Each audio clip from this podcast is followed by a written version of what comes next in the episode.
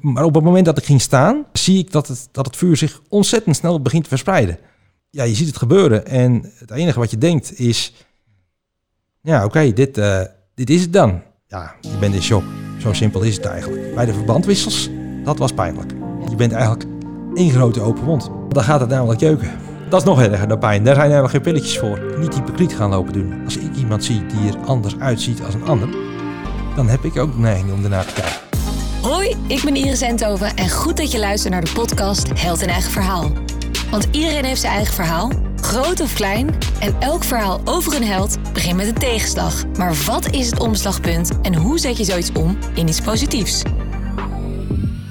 Tijdens de nieuwjaarsnacht van 2000 woedde een korte maar hevige brand in bar de Hemel aan de Volendamse dijk. Veertien jongeren kwamen om het leven en tientallen jongeren zijn door ernstige brandwonden voor het leven getekend. Lau zit op het lijstje van gewonden van wie wordt verwacht dat ze het niet zullen overleven. Maar in Brussel gebeurt er een wonder. Doorstaat hij de kritieke fase, ontwaakt uit coma en als een herboren positivo stelt hij zich open voor het nieuwe leven met een nieuw uiterlijk. Dit resulteert onder andere in het beklimmen van de Mont Blanc en Kilimanjaro.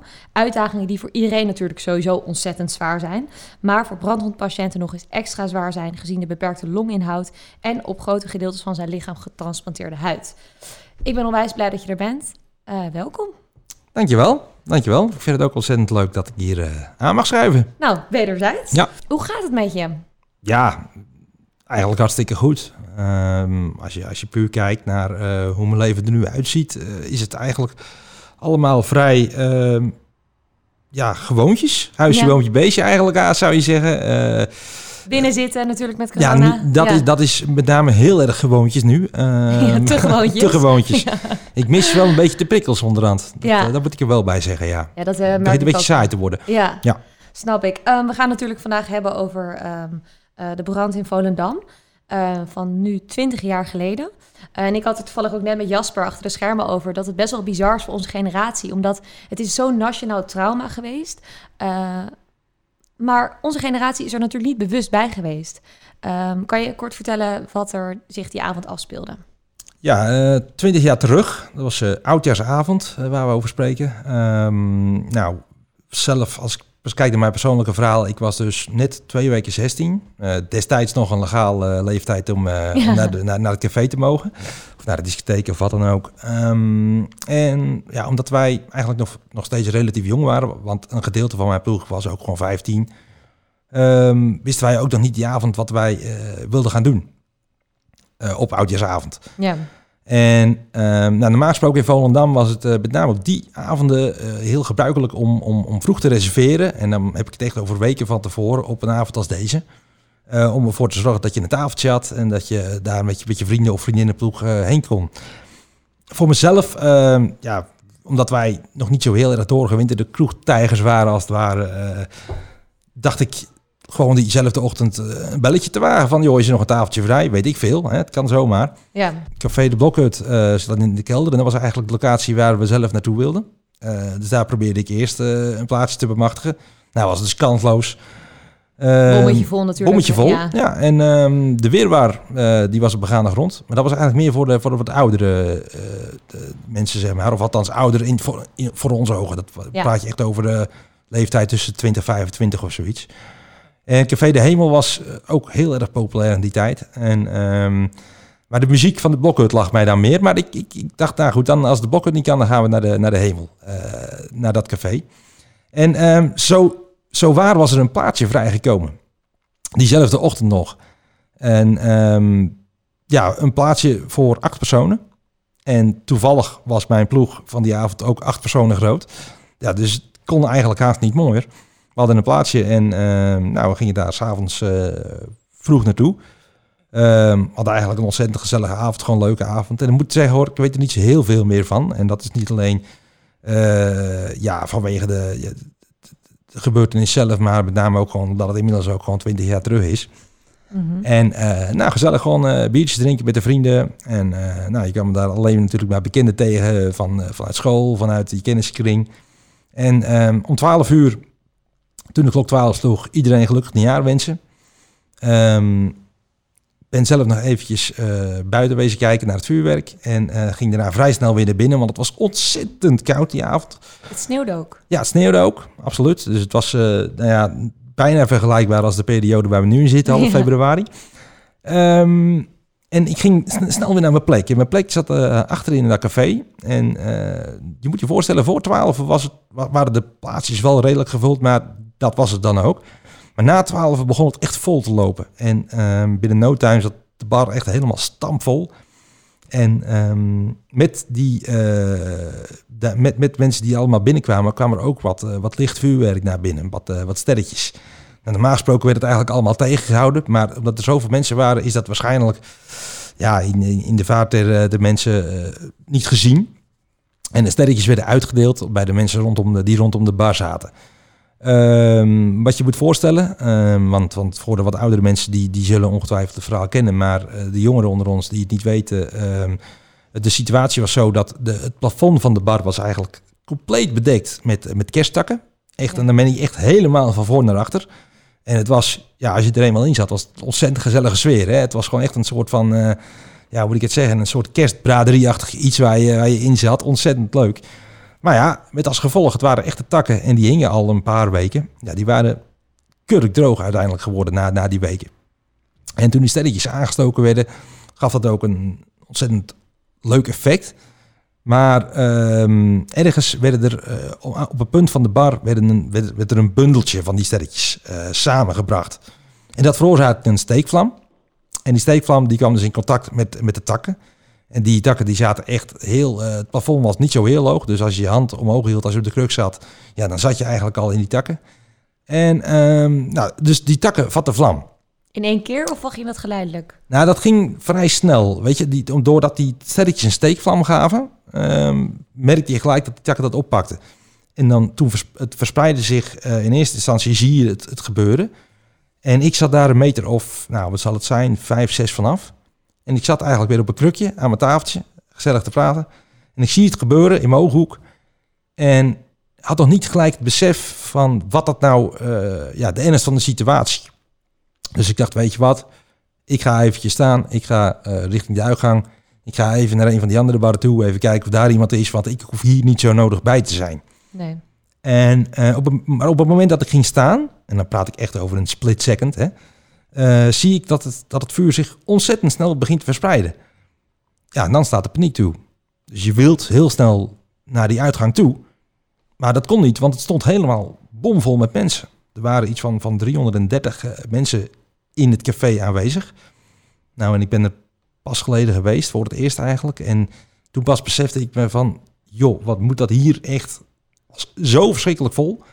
Dus ja, vluchten was eigenlijk, kon eigenlijk niet. Had de menigte op dat moment ook al door dat er een brand was? Ja, uiteindelijk merk je wel dat er paniek is. En, en eh, ja, misschien de mensen die met de rug toe zaten, die beseften dat natuurlijk eerst ook niet. Maar eh, voor een groot gedeelte ook weer wel. Eh, dus ja, wat, van wat ik weet is dat je inderdaad eerst die paniek merkt. Eh, maar dat vuur dat ging zo snel. En eh, ja, ik stond eigenlijk op een meter van mijn kruk af of wat dan ook.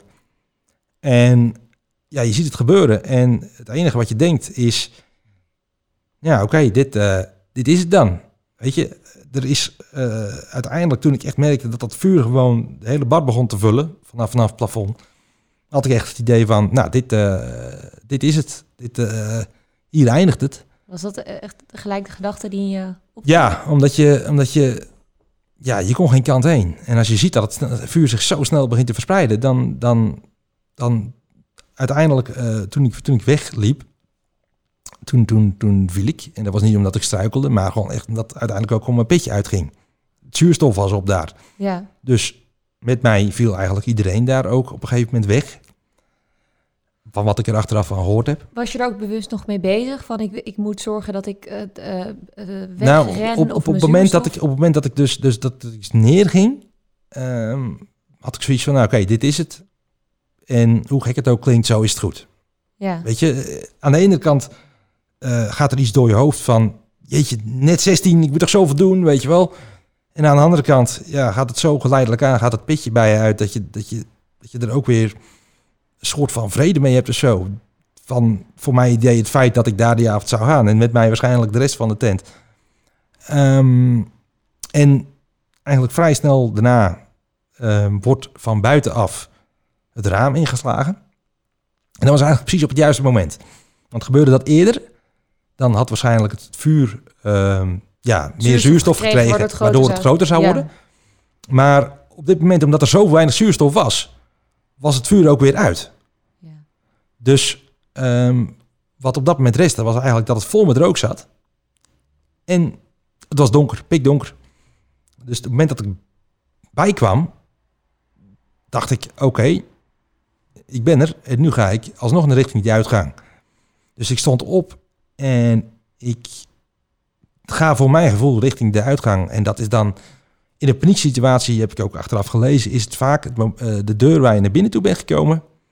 Daar ben je ook uiteindelijk weer uit vandaan. Dat is een soort van, van natuurlijke reactie schijnbaar.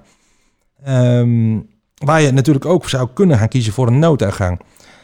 Ehm, dat was die avond niet helemaal, eh, ja, hoe moet ik het zeggen, goed aangegeven. En het wrange is dat ik uiteindelijk eh, een deur heb gevonden waarvan ik eigenlijk dacht dat dat de uitgang was. En het was een, een, een deur naar een drankopslagplek. En via die drankopslagplek kon ik via de achterkant van het pand eh, naar buiten komen. En het, het, het gekke eigenlijk van die hele situatie is, en dat, dat, dit zijn allemaal dingen die ik ook vertel als ik, als ik er een lezing over geef, is dat ik ehm, letterlijk op het moment dat ik eh, op een kruk zat nog, zeg maar, had ik mijn hand maar hoeven uit te steken en zat ik bij die deur. Niet wetende dat dat een noodgang was. Nee, dus dat, dat kon je gewoon niet weten. Kon je niet weten. Nee. Aan de andere kant, wat ik net al zei, was het misschien ook wel eh, niet goed geweest als ik die deur eerder had opengehaald. Nee, want dan was de brand natuurlijk doorgegaan. Precies. Ja. Dus ik kom daar eh, aan de achterkant van het pand terecht. En zoals ik al zei, het was op één hoog, dus ik kwam op een soort van plat dak terecht. Eh, wat ik nog weet is dat er daar nog een paar andere jongeren waren op dat moment. Ja, huilen, paniek. Hoe, kijk, hoe kijk je met elkaar? Is er een soort van stilte of is er angst? Ja, nou ja, zelf weet ik daar eigenlijk heel weinig meer van. Want ik was zelf best wel, eh, ja, je bent in shock. Zo Ja. simpel is het eigenlijk. En, ehm, en dat uitte zich ook in de, in de wijze waarop ik heel rationeel kon denken, denken op dat moment. Ja. Want ik ben gewoon gaan zitten eh, op, dat, op dat dak. En gedacht, nou oké, dan komt straks de brandweer. En die zet waarschijnlijk straks een ladder hier tegen de achterkant aan. En dan klim ik daar naar beneden. ja. En ik was heel rustig, was niet aan het huilen. Ja, dat, heel, eh, dat is dus inderdaad ook een shock. Ja, dat zijn de shockreacties. shock, ja. Volledig in shock. En Had je pijn op dat moment? nee, Oké. nee, nee, nee, nee, Dat is natuurlijk de adrenaline of de... Dat zijn derde of vierde graads brandwonden. Ja. Dat voel je niet. Nee. En uiteindelijk eh, gebeurde het ook dus dat de brandweer kwam. Die zette inderdaad ook een ladder tegen, eh, tegen de achterkant van het pand aan. En daar ben ik zelf ook gewoon vanaf geklommen. Nou, op het moment dat dat eh zover was, ehm, dan kom je dus onder dijkhoogte terecht. Dus, eh, dus, dus dan sta je eigenlijk gewoon tussen de huizen en bij, bij een winkel. Daar stond de brandweer al opgesteld. Werden we eigenlijk nat gespoten, wat eigenlijk achteraf, ja, weet je, er stond niemand in brand, maar goed. en van daaruit werden we door omstanders eh, geholpen naar een van de cafés die daar in de buurt waren. Om, eh, om, om ja, eerste hulp eh, aangeboden te krijgen. Want ja, eh, er stond nog geen tent op dat moment, dat kwam later. ja. En er waren heel veel jongeren op dat moment die dus hulp nodig hadden. Dus, dus overal, bij mensen thuis, bij cafés in de buurt, iedereen, Iedereen ving elkaar op. ving elkaar op. Was je op dat moment met... weet Je was met vrienden in het café? Ja.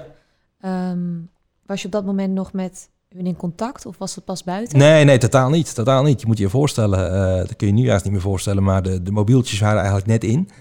En eh, die waren in zoverre net in dat ook nog niet, eh, zoals ik nu eigenlijk wel overal mijn mobieltje mee naartoe heb. Ja, toen heb ik die avond zelfs eh, mijn mobieltje thuis gelaten. Want ja, er was eigenlijk ook geen, ja, je kon, je kon sms'en met, met zes berichtjes in je inbox in die tijd. En ja. ja, bellen, maar ja, niet, bij ons waren er meerdere. Weet je, er was eigenlijk haast geen reden om die telefoon in je zak te hebben op, zo- op zo'n avond. Dus weet op je, dat Je- moment nog totaal geen idee hoe het met je vrienden... En, nee, maar daar was ik ook eigenlijk totaal niet in mijn, voor mijn gedachten mee bezig. Iedereen was een, was een beetje... eh, iedereen die gewond was, redden. zichzelf aan het redden. Ja. En ehm, ik, ik, werd, ik werd opgevangen door iemand. Werd naar, naar een café gebracht die daar eh, ook op de dijk zat, zit. En eh, ja, daar werd ik eigenlijk door iemand van de E EHBO eh, ja, nat gehouden. Eh, werd, ik, werd er op me ingepraat, zeg maar. Zodat ik wel bij zou blijven. Realiseerde je op dat moment ook al wat er gaande Wat er was gebeurd? Ehm, ja, ja. Ja, je merkt dat het heftig is. En, en ik stond er wel van te kijken dat, dat ik dacht van... ehm, dat, dat er best wel veel mensen waren die inderdaad ook eruit gekomen waren. Ja. Want op het moment dat ik op dat dak eh, eruit kwam, zeg maar, aan de achterkant... had ik het idee van... Ik denk niet dat er heel veel mensen hieruit gaan, eh, zijn gekomen, zeg maar. Maar aan de andere kant is het ook wel heel raar. ehm, en wat ik zei, ik heb, ik heb eerder wat andere eh, podcasts van je geluisterd. verhalen zoals die van, ehm, van Ferry, die in Bataclan was. hetzelfde verhaal. Met dat je eruit komt, ben je niet echt meer bezig met... Ja, ben je meer bezig met zelf eruit komen. Ja. En, en, en, En gewoon oerinstinct. Je moet Ja. gewoon jezelf redden. Precies. Hoe, hoe gek dat ook klinkt. Ja. Ehm, Ja, en ehm, ja, dus, dus ik, ik werd nat gehouden en ik heb ook echt geen idee meer hoe de rest van het café eh, op dat moment eruit zag qua eh, verzorging. Want er waren heel veel slachtoffers daar. Er waren ook heel veel slachtoffers in alle andere cafés, in andere huizen. En ehm, ik was eigenlijk heel rustig en heel ja, eh, timide eigenlijk op een of andere manier. Hè? Gewoon zitten eh, en wachten tot er een ambulance zou komen die me weg zou kunnen brengen. Maar ja, als je 330 man eh, hebt die, die hulp nodig hebben, dan, dan, is dat, dan kan dat nog wel eens moeilijk zijn. En ehm, het gekke is, als je derde of vierde graads brandwonden hebt, dus als je zeg maar in het ergste spectrum van, van brandwonden zit, dan voel je die pijn niet meer, waardoor je niet schreeuwt, hè? waardoor je niet eh, merkt dat je pijn hebt. is dat omdat je zenuwen dan ook verbrand Ja. zijn? Ja. Oké. En dat is uiteindelijk ook ehm, gebeurd. Dat, dat, ehm, dat, dat merk ik ook in de verhalen die ik dan weer de afgelopen maanden heb gehoord rondom het 20-jarige gebeuren rondom de ramp. Dat er veel mensen zeiden van, joh, ja, degene die het hardst schreeuwde, die, die werden eigenlijk al vrij snel eh, geholpen vaak. En uiteindelijk ben ik zelf naar het ziekenhuis gebracht in een bouwbusje van iemand. Bizar. Ja, en, en samen met mij nog, nog drie anderen die naast mij op het bankje zaten. Wachten was niet op een ambulance op dat moment. Er, waren gewoon te weinig, er was te weinig ambulances beschikbaar. Er waren te weinig eh, uitvalsmogelijkheden. En, en uiteindelijk zijn er mensen gewoon geweest die zeggen van... joh, we brengen er nu gewoon een paar weg. En we kijken wel waar we terechtkomen. Ja. Oh, heel goed. Ja, nou, en we zijn dus ehm, uiteindelijk vanuit Volendam zijn we eh, richting het, eh, richting het eh, eerst onze Lieve Vrouw ziekenhuis in Amsterdam gegaan, waar eh, in eerste instantie plaats vrij zou zijn, maar dat was later achteraf toch niet het geval. Dus toen zijn we doorgereden. Om, toen gingen ze door naar het, eh, naar het AMC. Met hoeveel mensen zat je in het busje? Eh, vier slachtoffers. Vier slachtoffers. Ja. Ehm, Ook mensen die je kende? ja, ook mensen die je kende, maar ook weer heel met jezelf bezig, weet Ja. je, op een of andere manier. Dus dat is dan ook wel weer. En geen. eh, dus, dat, dat, dus dat staat me dan nog wel bij op een of andere manier. Iedereen is zelf in zijn eigen wereldje op dat moment. Ja. En vanuit de AMC ehm, werd, werd eerst gezegd dat daar plaats zou zijn. En onderweg werd gezegd dat dat ook weer vol zat. Want ja, alles begon natuurlijk vol te lopen in de buurt. Dus uiteindelijk ben ik in het vuur terechtgekomen in Amsterdam. En van daaruit eh, ben ik zelf nog het busje uitgegaan. Heb me- mijn eigen naam nog genoemd bij de balie, adres, telefoonnummer van mijn ouders. Redelijk helder dus nog. Ja, ja Qua- dat, qua dat, praktische ja, zaken. precies, qua praktische Ja. zaken wel. En, en dat is eigenlijk het laatste dat ik me nog kan herinneren. En dan, dan, dan komt er een brancard, wordt je neergelegd. En, en word je eigenlijk platgespoten. En dat is eigenlijk het laatste wat ik weet van die avond. En platgespoten omdat? Omdat eh, dat bij brandwonden, eh, ik weet, het zullen met meerdere eh, gevallen zijn, maar in het geval van brandwonden moeten er zoveel operaties volgen en dergelijke dingen, dat er eigenlijk mensen continu gewoon in een kunst- kunstmatige coma worden gehouden. Dus- En mijn ouders die kwamen daar een half uur later aan, Ja. want die wisten wel dat ik daar naar onderweg was, maar die hebben mij dus zelf die avond niet gezien, omdat het één grote chaos was. En eh, toen ze daar aankwamen, eh, heb- hebben ze mij verteld, herkenden ze mij al niet meer. Hadden totaal geen idee meer dat ik het was. Ze konden het zien aan mijn, aan mijn, aan mijn horloge en aan mijn ketting die ik die avond om had, dat, dat ik dat was. En eh, nou, dat zijn momenten waar ik dus helemaal al geen weet van, van, van, van had. Ehm, op zo'n moment dan krijg je, eh, ik ben zelf ben ik voor, voor 67% verbrand. En eh, op zo'n moment dan wordt er vocht toegediend, eigenlijk van binnenuit. Dus, dus eigenlijk, eh ja, klinkt gek, maar de brand wordt eigenlijk van binnenuit nog geblust. Want het, de brandwonden die, die, die, die zijn nog niet gelijk, het is nog niet gelijk klaar. Het, brandt eigenlijk nog steeds door. ja, dus ze moeten dat ook redelijk acuut doen. Ja, precies. Dus je, je moet ook eigenlijk eh, voorstellen, dan liggen daar eigenlijk op een bed en er wordt constant vocht toe- toegediend van binnenuit. En, en je hele lijf zit op, dus ja, je bent eigenlijk totaal al niet meer herkenbaar. Nee. En goed, en je ligt daar in een ziekenhuis dat niet gespecialiseerd is in brandwonden. Maar Beverwijk lag vol, Rotterdam lag vol, eh, Groningen lag vol. Dus, dus de ziekenhuizen die meer gespecialiseerd waren eh, in, in, in, brandwonden, die zaten eigenlijk ook al vol. Want er waren zoveel getroffen die avond. En dan komt het moment dat er eh, mensen ook naar het buitenland moeten worden gebracht. Eh, nou, dat zijn dus dingen waar ik allemaal niks nogmaals van meegekregen heb.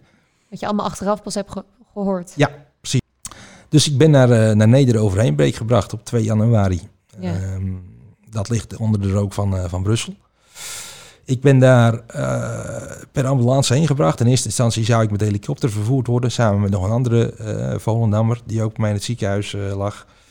En op het moment dat we de helikopter in zouden gaan, we toch besloten om ons per ambulance te vervoeren. Want de helikopter, dat zou te gevoelig zijn voor ons. Dat zouden we wellicht niet overleven. Qua luchtdruk. Ja, en, en qua, qua hoe moet ik het zeggen, schommelen van de helikopter of dat, dat soort zaken. Ja. Dus, uh, dus we werden eigenlijk per ambulance zijn we in, vanaf Amsterdam naar, naar Brussel in 1 uur en 20 minuten gereden of zoiets. Dat is ontzettend snel. Ja. Onder politiebegeleiding. nogmaals, iets waar ik helemaal totaal zelf moet allemaal maar uitgaan van de verhalen die ik daarover heb gehoord. Op dat moment werd jij dus nog steeds kunstmatig ja, in... Is dan coma het goede woord? Een kunstmatige coma is Ja. het goede woord, ja. Oké, dus je was echt volledig uh, continu Ja. werd je daarin gehouden. Precies. Ja. En ehm, ik kwam in eh, Brussel aan. En daar ben ik... eh, in totaal heb ik daar drie maanden gelegen. ja, je ligt gewoon kritiek, je ligt op de intensive care. En ehm, ja, dan, wordt dus, eh, dan worden je ouders en, en je familieleden, eh, mijn zussen eh, en alle anderen worden dus op de hoogte gebracht van... joh, nou, dit gaat er gebeuren vandaag. Eh, dit gaan we doen. Ehm, en, en zij leggen telkens uit hoe de situatie is. Maar kunnen daarin geen garanties geven van... eh, ja, als mijn ouders vroegen van, komt dat goed? Ja, dan zeiden ze, ja, we weten het niet. Nee. En eh, ja, dat klinkt heel gek om dat over jezelf te horen. Omdat ik daar zelf natuurlijk nooit iets van meegekregen heb.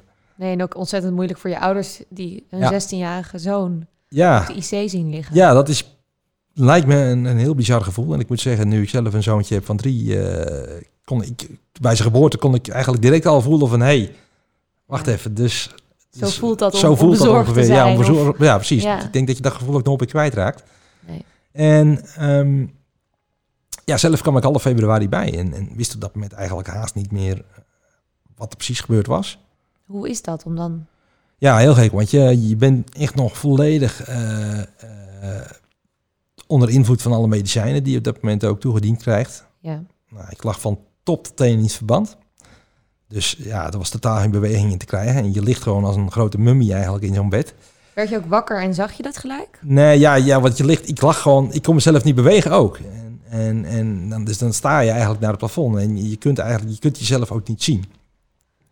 En op de intensive care, eh, althans daar was het het geval dat je dan een half uurtje bezoek kon krijgen. En dat was dan één iemand die dan helemaal ingepakt in een maanpak eh, bij je stond. Nou, dan kwam bijvoorbeeld mijn moeder. En dan, dan zei ze van, eh, ja, je bent in Brussel en ehm, wij zijn hier nu ook. Weet je wel, wij slapen hier nu ook. Want eh, voor een, zij hebben besloten toen ik bijkwam dat zij in die periode eh, daar ook eh, een hotel zouden pakken om zo dicht mogelijk bij mij te zijn. Lief. En eh, ja, als je, als je dat dan hoort, dan denk je, oké, ik ben in Brussel en mijn ouders wonen hier nu. Wat, wat is er gebeurd, weet Ja, je wel? Eh, zijn we verhuisd naar Brussel? Hoe gaat dat? Weet je, eh, hoe... Ja. Kon je Wa- toen nog wel herinneren wat er was gebeurd? Nee, nee, Helemaal want dat niks. is dus het hele gekke. Je, je weet dus helemaal niets. Nee, Dus, je wordt wakker, je hebt gewoon Nee. totaal geen idee. Precies. En, en, en een van de eerste herinneringen die ik dus heb, was toen ik aan mijn moeder vroeg van... Wat is er nou precies gebeurd? En toen ze zei, joh, dat, dat heb ik je gisteren en eergisteren ook verteld. Ja. Maar dat is dus elke keer vergeet je dat dus, omdat je dus zo erg onder de invloed bent Ja. van, van alle medicatie. En eh, nou, toen ze dat vertelde, ja, dan, dan, dan, dan daalt dat natuurlijk rustig aan in. Maar ook weer heel surrealistisch, omdat je zo, ja, je bent eigenlijk een hele dag stoned. Zo moet je het eigenlijk ja, kan en zien. hè? heel onwerkelijk. Ik bedoel, iemand vertelt jou wat er is gebeurd. En, Ja, en je hebt er zelf natuurlijk geen bewust beeld van. Ja, precies. Dus, dus, en dan denk je eerst van, joh, wat zal mijn haar dan lang zijn? Of, of dat soort hele gekke dingen waar je dan aan denkt, Ja. weet je wel. Wat achteraf dus helemaal niet meer het geval was. Nee. Haar überhaupt. Wat dacht jij op het moment dat, je, dat jij naar je lichaam keek en het volledig eh, in verband zag? Ja, dan heb je eigenlijk nog, nog steeds geen, geen besef van, van hoe of wat. En het, duurt heel, eh, het gaat heel geleidelijk aan. Eh, men mag je niet gelijk vertellen wat er allemaal gebeurd is. Het komt er eigenlijk telkens op neer dat je op het moment dat je het zelf vraagt, dat je dan ehm, ja, een soort van toe bent ook om het antwoord te krijgen. Oké, dat is psychologisch gezien. Ja, psychologisch gezien ja. is dat een beetje de manier hoe ze daarmee omgaan. Ja, want je kan natuurlijk niet iemand in één keer alle details eh, vertellen als hij Precies. nog half eh stoned van de medicijnen. en precies, precies. Begin maart mocht ik over naar de medium care. Ja. Dat betekent dat je dan in principe niet meer uh, levensbedreigend bent. Ehm, Want je lag wel echt in kritieke toestand, toch, begreep ik? Ja, absoluut. En waar, absoluut. waar zat hem dat in? Zat hem dat in, want ik, aan brandwonden denken we natuurlijk aan het uiterlijk vertoon, maar van binnen kan ik me voorstellen dat er ook heel veel schade is geweest. Ja, het lichaam moet gewoon ontzettend veel werk doen om, om al die, om het hele lichaam ook weer, ja, je moet, men heeft het uitgelegd in het ziekenhuis dat je moet je voorstellen dat je lichaam continu een marathon aan het lopen is om zich te herstellen. Ja. En kijk, de, de, de, de, de ziekenzorg die verbetert zich natuurlijk telkens. Uh, je zou het zo kunnen zien dat als het in 1980 was gebeurd, had ik het niet overleefd. Ja. En, en elke keer uh, dat, dat, dat verder naar nu komt, uh, merk je dat, dat, dat de techniek ook verder is, dat men meer kans heeft om te overleven. Ik denk steeds ook aan de gedachte dat jij dan 16 jaar bent. Ja. Ik vind dat heel, heel bizar. Qua... Ja. ja, dat is echt heel gek, omdat het ja, net 16, dus Ja. is eigenlijk net ook op de scheidslijn tussen, tussen, tussen kind zijn en, en volwassen worden. Ja, nou, eigenlijk een beetje de mooiste periode van je leven misschien wel. Hè, tussen je 14 en je 18 of zo, weet je. Spannend, alles nieuw. ja. En, en in ene dan, dan, dan gebeurt dat. En, en zo zie ik het zelf ook eigenlijk, terugkijkend erop. Is een soort van ehm, voor en na altijd. Er is altijd de voor en na. Het is het soort van, eh, in de moderne telling, het is voor en na Christus. Dat is, dat is daar eigenlijk ook eh, het geval, ja. dat punt. ja. En ehm, ja, je krijgt dus daarmee te maken, maar je krijgt ook te maken met, met, met, met eh, verhalen hoe het met anderen is. ja, op welk moment hoor je dat? Eh, tegen het eind van mijn intensive care periode. Ehm, je moet je ook voorstellen, men leefde zo ontzettend mee. Niet alleen met mij, maar eigenlijk met het hele gebeuren. Het was echt een groot iets. En natuurlijk in Volendam, een dorp als Volendam is het natuurlijk...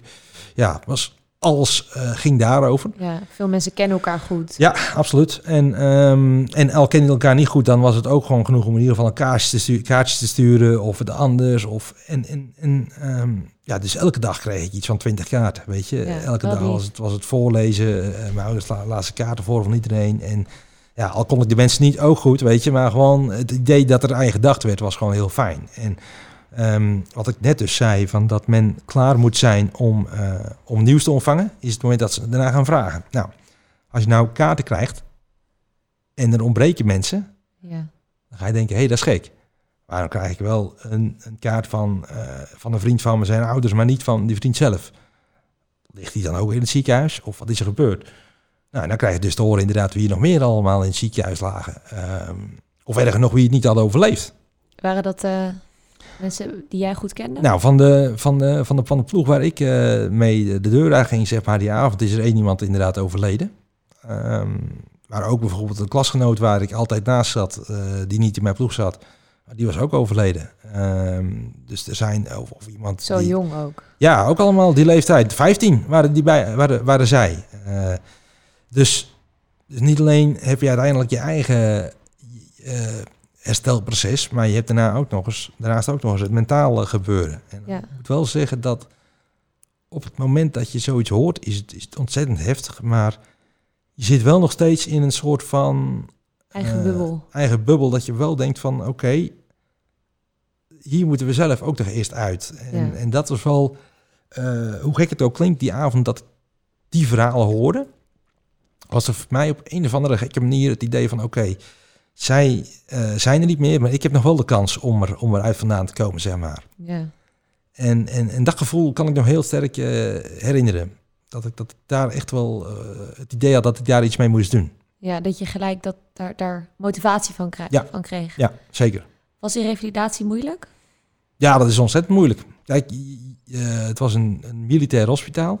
Dus de mensen die waren daar ook, ja, veel mensen waren daar, hadden daar een militaire achtergrond. En dat uitte zich ook soms in, in, in, therapiesessies, de fysiotherapie-sessies en de ergotherapie-sessies. En dat ging eigenlijk eh, in eerste instantie een hele dag door. Ehm, dat, eh, dat waren, ik zeg ook altijd, het zijn wel het type, als het pijn doet, dan gingen ze nog even verder door. Maar dat was niet eh, om jou dwars te zitten, maar meer om jou Uit te dagen. uit te dagen en jouw bewegingsvrijheid groter te krijgen. Want Ja. je moet je eigen voorstellen dat ik lichamelijk dus haast niets kon, goed kon bewegen. Mijn vingers niet, eh, mijn armen nog niet heel goed. Had je veel pijn? Eh, ja, pijn met name niet als, als ik zo in bed lag. Nee. Maar bij de verbandwissels, dat was pijnlijk. ja. Want ja, dan, je bent eigenlijk één grote open wond. Zo, Ja. zo moet je het eigenlijk, als je je knie open haalt, maar dan over je hele lichaam. Zo, zo zou je het een beetje kunnen omschrijven. Ja, En, en dus die verbandwissels, en dat, noem, dat, dat ging dan gepaard met in bad gaan. En in bad gaan moet je je voorstellen dat je, dat je een grote badkuip hebt... Waar, waar je met een soort van brancard boven wordt getakeld. En dan wordt je nat gemaakt. En dan wordt alle, alle verband van je afgetrokken. want je kon ook nog niet lopen. Ik kon helemaal niks. Nee. Ik kon helemaal niks. Je was een grote baby van, van 16 jaar oud. En d- nou, ja, dan liggen daar dus op zo'n brancard. Je, het verband wordt van je afgetrokken. En in, in eerste instantie word je nog, eh, krijg je nog een soort van roesje op het moment dat je, dat, dat gebeurt. Maar dat moesten ze ook afbouwen. Want als je elke keer daarop terug moet grijpen, Ja. dan, dan, dan ontwikkel je zelf niet ook genoeg energie om weer eh, er bovenop te komen. ja. En je lichaam is ook al zo hard aan het werk. Precies. Ja, Dus, dus uiteindelijk, eh die roesjes werden minder en dan kreeg je een morfinepilletje. Maar dat, dat stond niet eh, gelijk aan, aan de pijn, pijn, die, die, nee. doet wat zo'n verbandwis- verbandwissel doet. ik kan me daar natuurlijk geen voorstelling van maken, maar Nee, maar goed, dat is, dat is inderdaad wat het, wat het geval was. Nou, en uiteindelijk, ja, die, die, het is gewoon brandwonden hebben. Deze maat is gewoon ontzettend zwaar. Je moet gewoon leren staan, stapjes leren zetten weer. eh, echt, eh, alles moet je weer overnieuw aanleren. En ja, dan kom je eigenlijk op het punt dat je wel merkt dat je niet alleen bent. Althans, dat merkte ik heel sterk. Want omdat er heel veel andere bekenden van mij in, in andere ziekenhuizen lagen, hoorde ik dan van mijn moeder bijvoorbeeld van, nou ja, die heeft drie stapjes gezet of vier stapjes gezet. En dan gaat natuurlijk dat vuurtje branden. ja, dan, denk je, dan, ga ik vijf stappen ja, dan ga ik vijf stappen zetten, weet je. En, en dat is, eh, weet je, zo hebben mijn ouders me in ieder geval altijd heel erg gestimuleerd en mijn zussen om dat gewoon te doen. Ja. En, en, en ja, voor de een is het misschien moeilijker om die knop om te zetten. Ik weet ook niet waarom ik het wel had of heb. Eh, maar ik had het zoiets, oké, nou, dan gaan we, dan gaan we er gewoon voor. Ja. Ja. Had jij toen jezelf ook al gezien? Nee, nee. ehm, dat zijn ook processen in de brandwondenwereld waar, eh, waar, waar, waar echt naartoe gewerkt moet worden. Dus de spiegels hangen nergens in de kamer. Hè. eh, er wordt eh, alles aan gedaan dat je zelf in ieder geval niet jezelf kunt zien voor het eerst. Niet, althans niet onder begeleiding. Ehm, dus ja, dat werd eigenlijk wel steeds meer een ding. En pas een week voor mijn ontslag zag ik mezelf voor het eerst. En dat ging dan echt onder begeleiding met de psycholoog. Eh waar alleen de psycholoog, en ik, de psycholoog en ik waren dat met z'n tweetjes, dus niemand anders was daarbij. Ehm, maar ik had, ik had in eerste instantie heel erg... eh, je, je vraagt er natuurlijk ontzettend naar van, nou, hoe ziet het eruit, wat is het? En dan zei mijn moeder ook gewoon telkens, nou, je moet je eigenlijk wel voorstellen, toen je hier binnenkwam, had je geen gezicht. En eh, ze- ze waren heel erg ja, open erover, over het verhaal en hoe de situatie was. En op het moment dat ik, het, eh, dat ik voor het eerst de spiegel kreeg onder begeleiding, toen had ik, hoe gek het ook klinkt, het idee van, nou oké, het valt dan best wel mee. Als ik echt geen gezicht had toen ik hier binnenkwam, dan hebben ze het wel knap gedaan. Ze hebben je op het ergste voorbereid. Ja, precies. Ja. En, en, en, en terugkijkend daarop vind ik het gek, want zoals ik er nu uitzie, dat is echt, eh, dat, dan zie ik er nu knap uit in, in de zin van hoe ik er toen uitzag. Ehm, dus, dus ik had er eigenlijk toen ook wel, dacht ik, oké, dit is het. Nou, hier moet ik het mee doen. Hier gaan we vanaf nu wordt het beter. En eh, Is het ook zo, omdat mensen zijn natuurlijk misschien met brandwonden heel erg gefocust op het uiterlijk aspect. Maar jij was op dat moment natuurlijk ook nog volledig aan het revalideren ja, eh, van binnen, weet je. Want Ja, ik kan me voorstellen dat qua prioriteiten dan zeg maar de ijdelheid misschien wat lager zit dan klopt. eerst liggen lopen en Nou, eh, dan zien we vandaag. Ja, precies. Maar als je ook luistert, en het is wat ik net ook zei, het is heel universeel. Als je de eerdere podcast die jij gemaakt hebt, eh vorige gedeelte heb ik die dan geluisterd, dan kom je eigenlijk heel vaak hetzelfde thema tegen. In het begin is het overleven en, en, en weer opbouwen. En daarna kan er toch wel eens een periode komen dat het, dat het moeilijker wordt. Ja. Hè? Dat, je, Ja. dat, je, dat je echt moet gaan denken, oké, dit is het. En wat hebben ze dan gedaan eh, qua eh, operaties? Hebben ze dan huidtransplantaties gedaan? Ja. Ja, op de plaatsen waar die zichzelf niet helen, dan, Ja. dan komen er uittransplantaties eh aan bod. En dat zijn ja, plaatsen die niet verbrand zijn op het lichaam, die worden dan gebruikt om daar de vel vandaan te halen. Op, die worden dan gebruikt voor plaatsen waar, het, waar het inderdaad die zichzelf niet meer konden helen. Ja. Waardoor je eigenlijk als brandwondenpatiënt, als je, als je boven de 50% verbrand bent of meer, dan is eigenlijk je hele lichaam, zie je wel, erg, zie je wel plekken, eh, er zijn weinig egale stukjes meer over. Ja. Ook de plaatsen waar huid weggehaald is, daar zie je toch een verkleuring. Dus je ziet overal wel, eh, ja, dat er, eh, De, je hebt geen echt gaaf stukje meer over of zoiets. nee. En merk je dan ook in de maanden daarna dat het steeds meer gaat helen, dat het steeds beter wordt? Of door wat voor Ja, want, ga je dan? want dan gaat het namelijk jeuken. Oh, En dat is, erg, nog, dat, is, dat is nog erger dan pijn. Daar zijn helemaal geen pilletjes voor. nee. En dat is... eh, Dat dat, heb ik wel eens gehoord, ja, ja. dat duurt een, een goed jaar. Dat je, dat, je, dat je echt gek wordt van de jeuk. Dat is echt... Dus, dus uiteindelijk... Je mag natuurlijk niet krabben. je mag niet krabben. Nee, Nee. want dan maak je het natuurlijk... maar je gaat ja. wel krabben. Ja. En, en eh, in de brandwondenwereld is het zo dat je, eh, althans in ieder geval bij mij in het ziekenhuis, en wat ik ook heel vaak zag, was dat mensen drukpakken dragen. Dus wat gebeurt er dan? Dan krijg je eh, een pak aangemeten die heel strak om je huid zit, op de plaatsen waar het verbrand is. En op een gezicht zelfs een, een gezichtsmasker. En dat is een siliconenlaag die, eh, die op maat gemaakt is naar je gezicht. En daar zit een harde plastic rand omheen die je vastbindt aan je gezicht. Dus je bent eigenlijk eh, het eerste jaar eh, zat ik veelal met een masker op, een doorzichtige masker en een drukpak onder mijn kleding. Ja, zodat het niet ging jeuken en je er niet aan ging zitten. Nou, dat was niet het doel. Het doel is om de littekens dan zo min mogelijk, ja, zo meer, zo, zoveel mogelijk in toom te houden, zodat Ja. het, het eindresultaat zo mooi mogelijk zou zijn. Ja, Ik heb me er zelf wel redelijk aan gehouden. Uiteindelijk eh, wordt het wel iets minder, dus dan droeg ik bijvoorbeeld alleen dat masker droeg ik dan s'nachts. Ja. Ehm, maar ja, dat, dan is, dat, dat broeit ontzettend, dat soort dingen. Dus ja, dan krijg je natuurlijk ook weer jeuk, weet je. Maar Ja. het, het, het, heeft wel geloond uiteindelijk. Had je op dat moment, want, want toen de tijd waren natuurlijk zenuwen verbrand. Ja. Had je op dat moment ook, ook de pijn? Of, of hoe, hoe werkt dat met zenuwen? Waar komt dat dan terug? nee, het enige wat ik me kan herinneren van pijn is eigenlijk alleen met de verbandwisselingen. Oké, nou gelukkig. En dat is, dat is Ja. echt iets dat, dat vragen heel veel mensen. Van, heb je nu nog pijn? Of heb je, nou, ik heb helemaal geen Nee. pijn meer. Het enige wat ik, wat, ik, wat ik pijn van heb gehad is van die verbandwisselingen. En misschien net na operaties, als iets trekt of wat dan ook. Ja, en natuurlijk het, het revalideren en ja, je lichaam het revalideren, dat doet pijn. Kijk, Ja. dat, dat, eh, de, als, je, als je merkt dat je, dat, dat je pezen gerekt worden op punt, tot punten waar je, waar je tot dusver niet kon. Maar ja, het werd wel steeds gezegd van, joh, dit moet je gewoon blijven doen. Ja, En, ja. en het duurt gewoon, duurde gewoon zeker een jaar. Ik, eh, ik kwam thuis en toen eh, heb ik echt letterlijk zeven dagen per week fysiotherapie gehad in de eerste periode. En twee keer een uur per dag. ja. En eh, ja, dat, dan, dat is gewoon heel zwaar. intensief. Ja. En natuurlijk ook als 16 en misschien een inmiddels 17-jarig jongetje, weet je wel. Ik bedoel, hoe is i- die puberteit? Ja, dat is... soms zeggen mensen wel eens van... joh, je bent in één klap volwassen geworden. Al denk ik wel van... ehm, in mijn geval denk ik wel dat... ja, voor een gedeelte is het natuurlijk wel waar... maar voor een ander gedeelte wil je natuurlijk altijd gewoon... wel weer die dingen inhalen die je ook eh ja. ervoor wilde doen. Hoe keek je tegen de toekomst aan? Was je, was je er bang voor of hoe? Ja, enerzijds wel. Want alles wordt omgegooid. Ja, alles, alles waar je van tevoren denkt dat je gaat doen... eh, ja, dat, dat, dat, dat valt weg.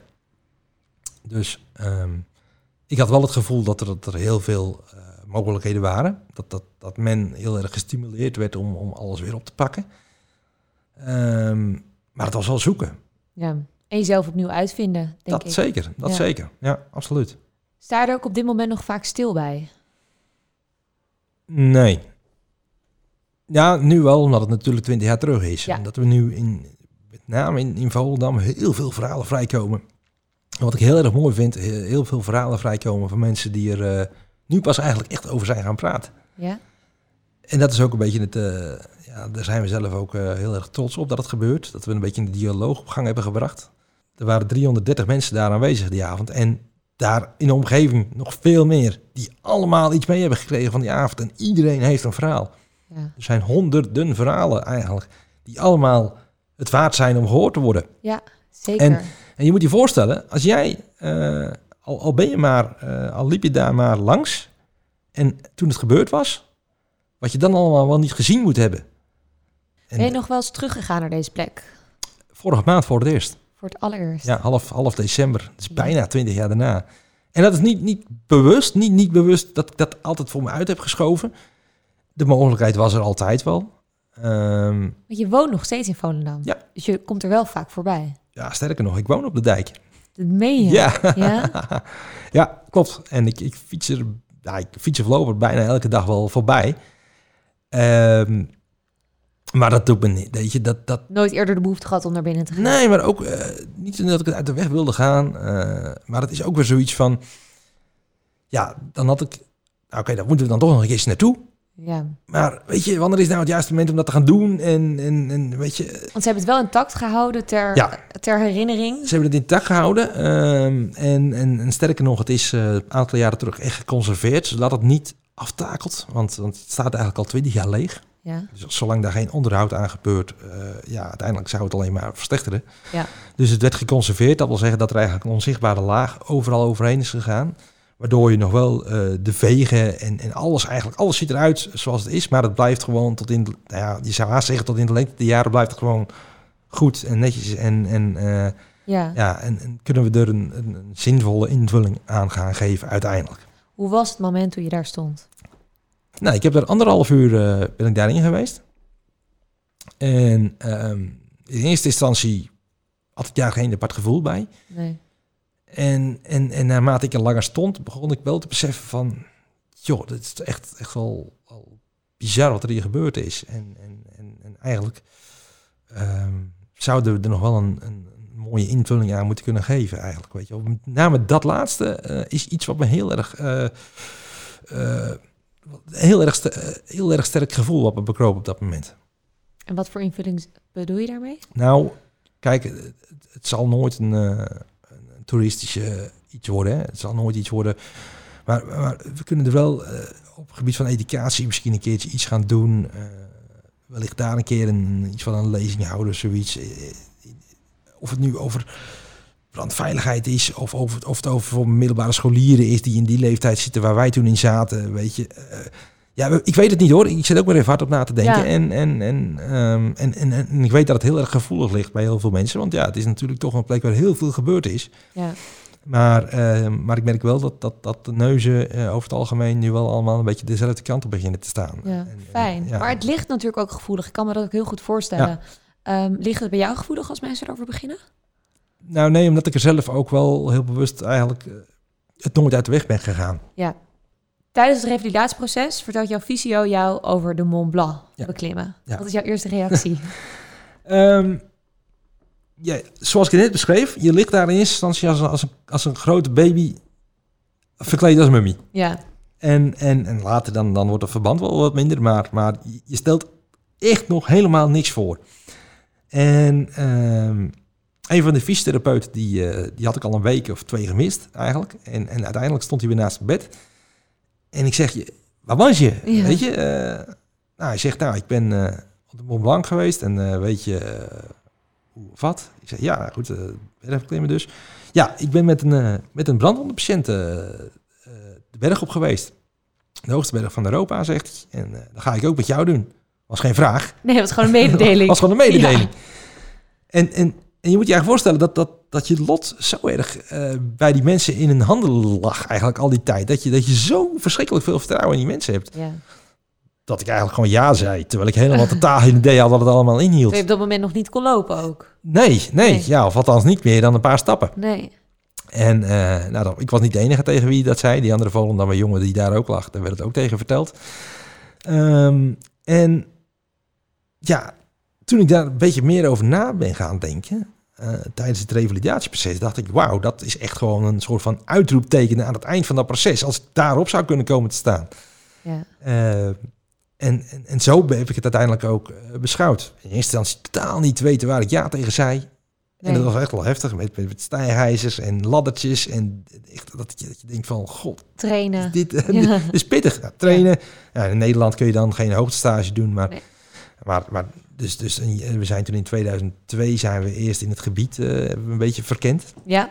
En in 2004 hebben we de echte tocht. Uh, met de groep. Met de groep. Ja. En dat wil zeggen, uh, samen met mij nog een, dus die andere Volendammer Tom, die bij mij in het ziekenhuis lag. En, en ja, nog een, nog een groep aan begeleiders, waaronder ook veel mensen, of althans drie mensen vanuit het ziekenhuis. Ja. Twee van mijn chirurgen en, en die fysiotherapeut waar ik het eerder over had. En voelde dat ook als een soort van eindpunt van ik, ik kan er tegenaan of een, of een doel waarvoor je kon trainen? Ja, nou ja, goed, omdat ik dat met name toen ik, uh, toen ik, toen ik uh, de, tocht, de, de top had, of althans bijna had bereikt, moet ik zeggen. Want dat heel, allerlaatste stukje konden we niet doen vanwege de weersomstandigheden daar. Oké, maar je had in ieder geval de top voor maar de top ja, ik was worden. echt, ik was echt Ja. praktisch op de top. Eh, ik zeg ook wel. steeds van, ja, ik weet van mezelf dat ik dat laatste stukje ook wel zou hebben gehaald. Maar goed, eh, Ja. dus, dus dan loop je uiteindelijk naar beneden. En, en, en pas als je dan onderaan weer naar boven kijkt, toen pas kwam het besef van, oké, dat heb je dus echt gedaan, weet je. ja.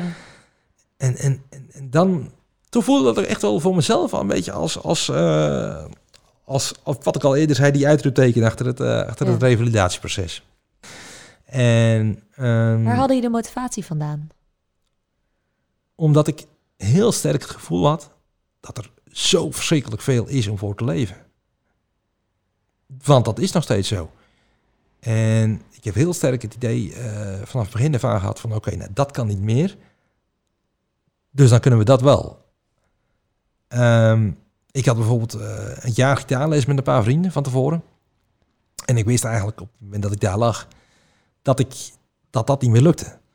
Toeval wilde dat ik voor mijn verjaardag een basgitaar kreeg. Omdat ik zelf wilde gaan bassen. Nou, een basgitaar heeft minder snaren dan een gewone gitaar. Dus dat ging nog wel. Ben ik mezelf daarop gelijk gaan focussen. Althans, dat wilde ik dan gaan leren.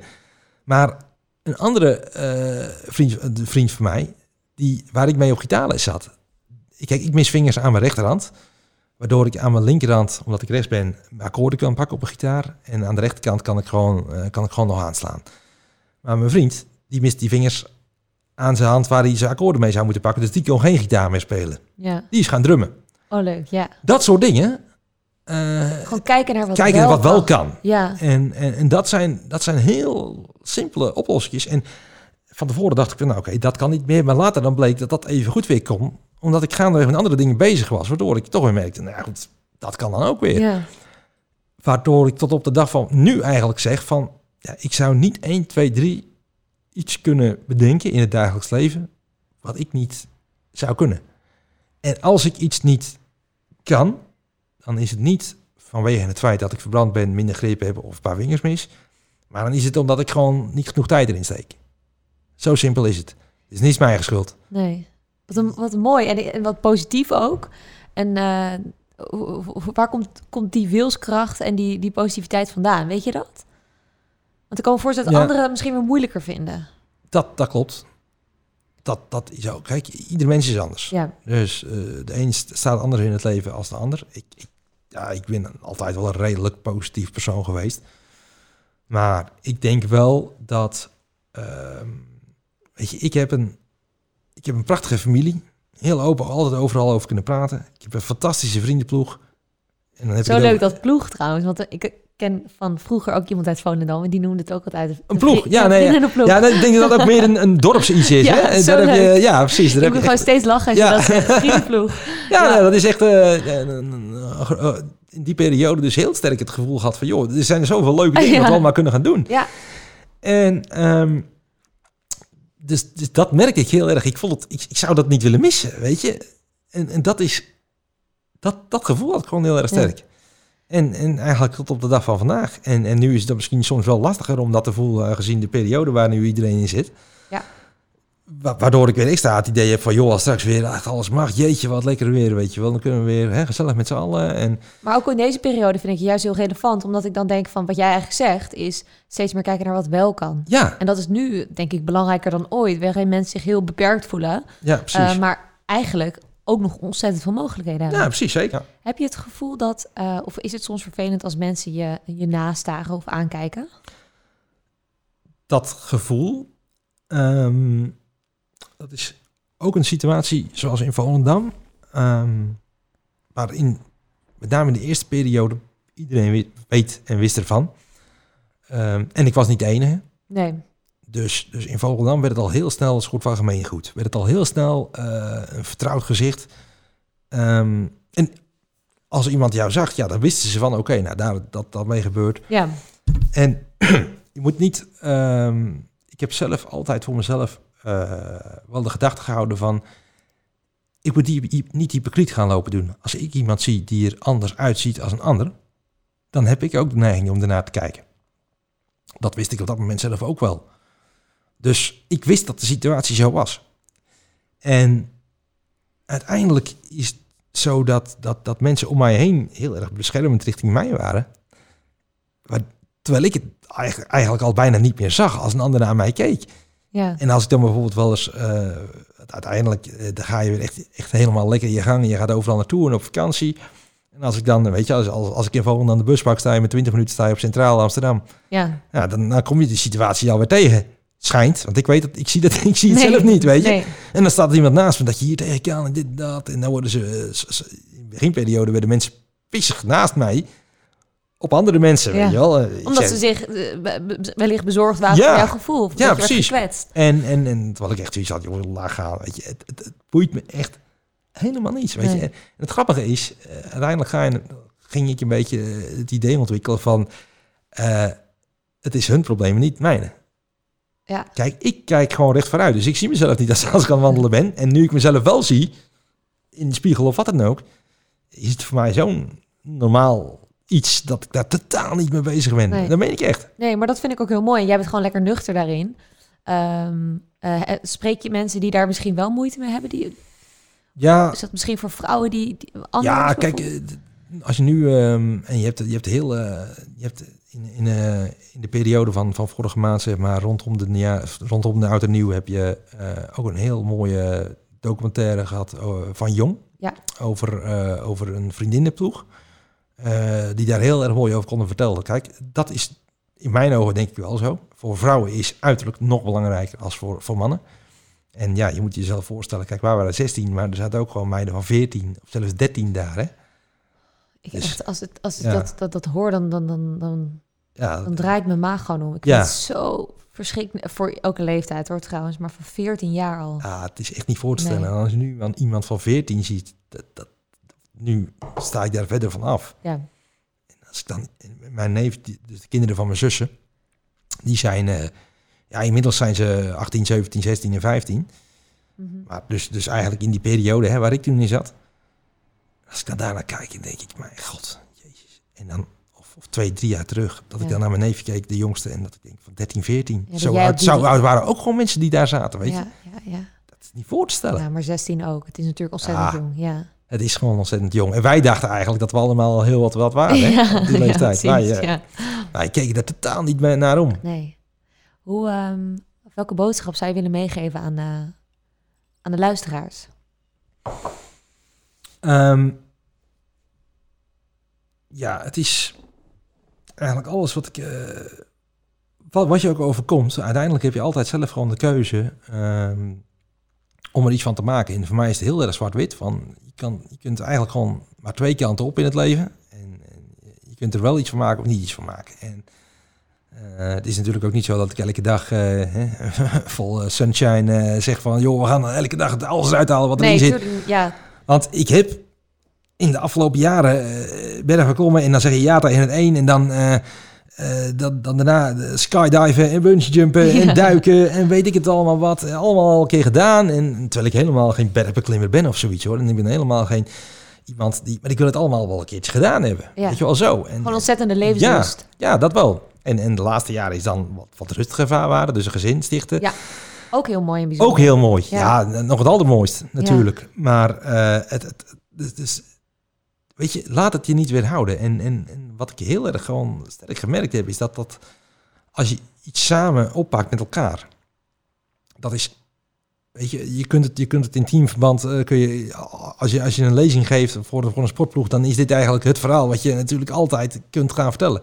Of bij een bedrijf of wat dan ook. Het gaat altijd om, om, om het samen op te pakken. En, en ik ben daar zelf het levende bewijs van. Kijk, je kunt zelf natuurlijk uh, positief, een positieve inslag hebben, natuurlijk wel. Maar aan de andere kant denk ik van, joh, als het mijn in mijn eentje was overkomen, hoe had ik er dan voor gestaan? Ja. ja. Ik weet niet of ik dan ook zo overdag gepraat, dat weet nee, ik niet. Enorme samenhorigheid gewoon. Ja, ja, ja, Maar ondanks dat het niet niks is dat er gebeurt, is, heb jij gewoon het, het, opgepakt en heb je eigenlijk elke kans aangegrepen van, van in coma tot nou ja, kritieke toestand bijna dood.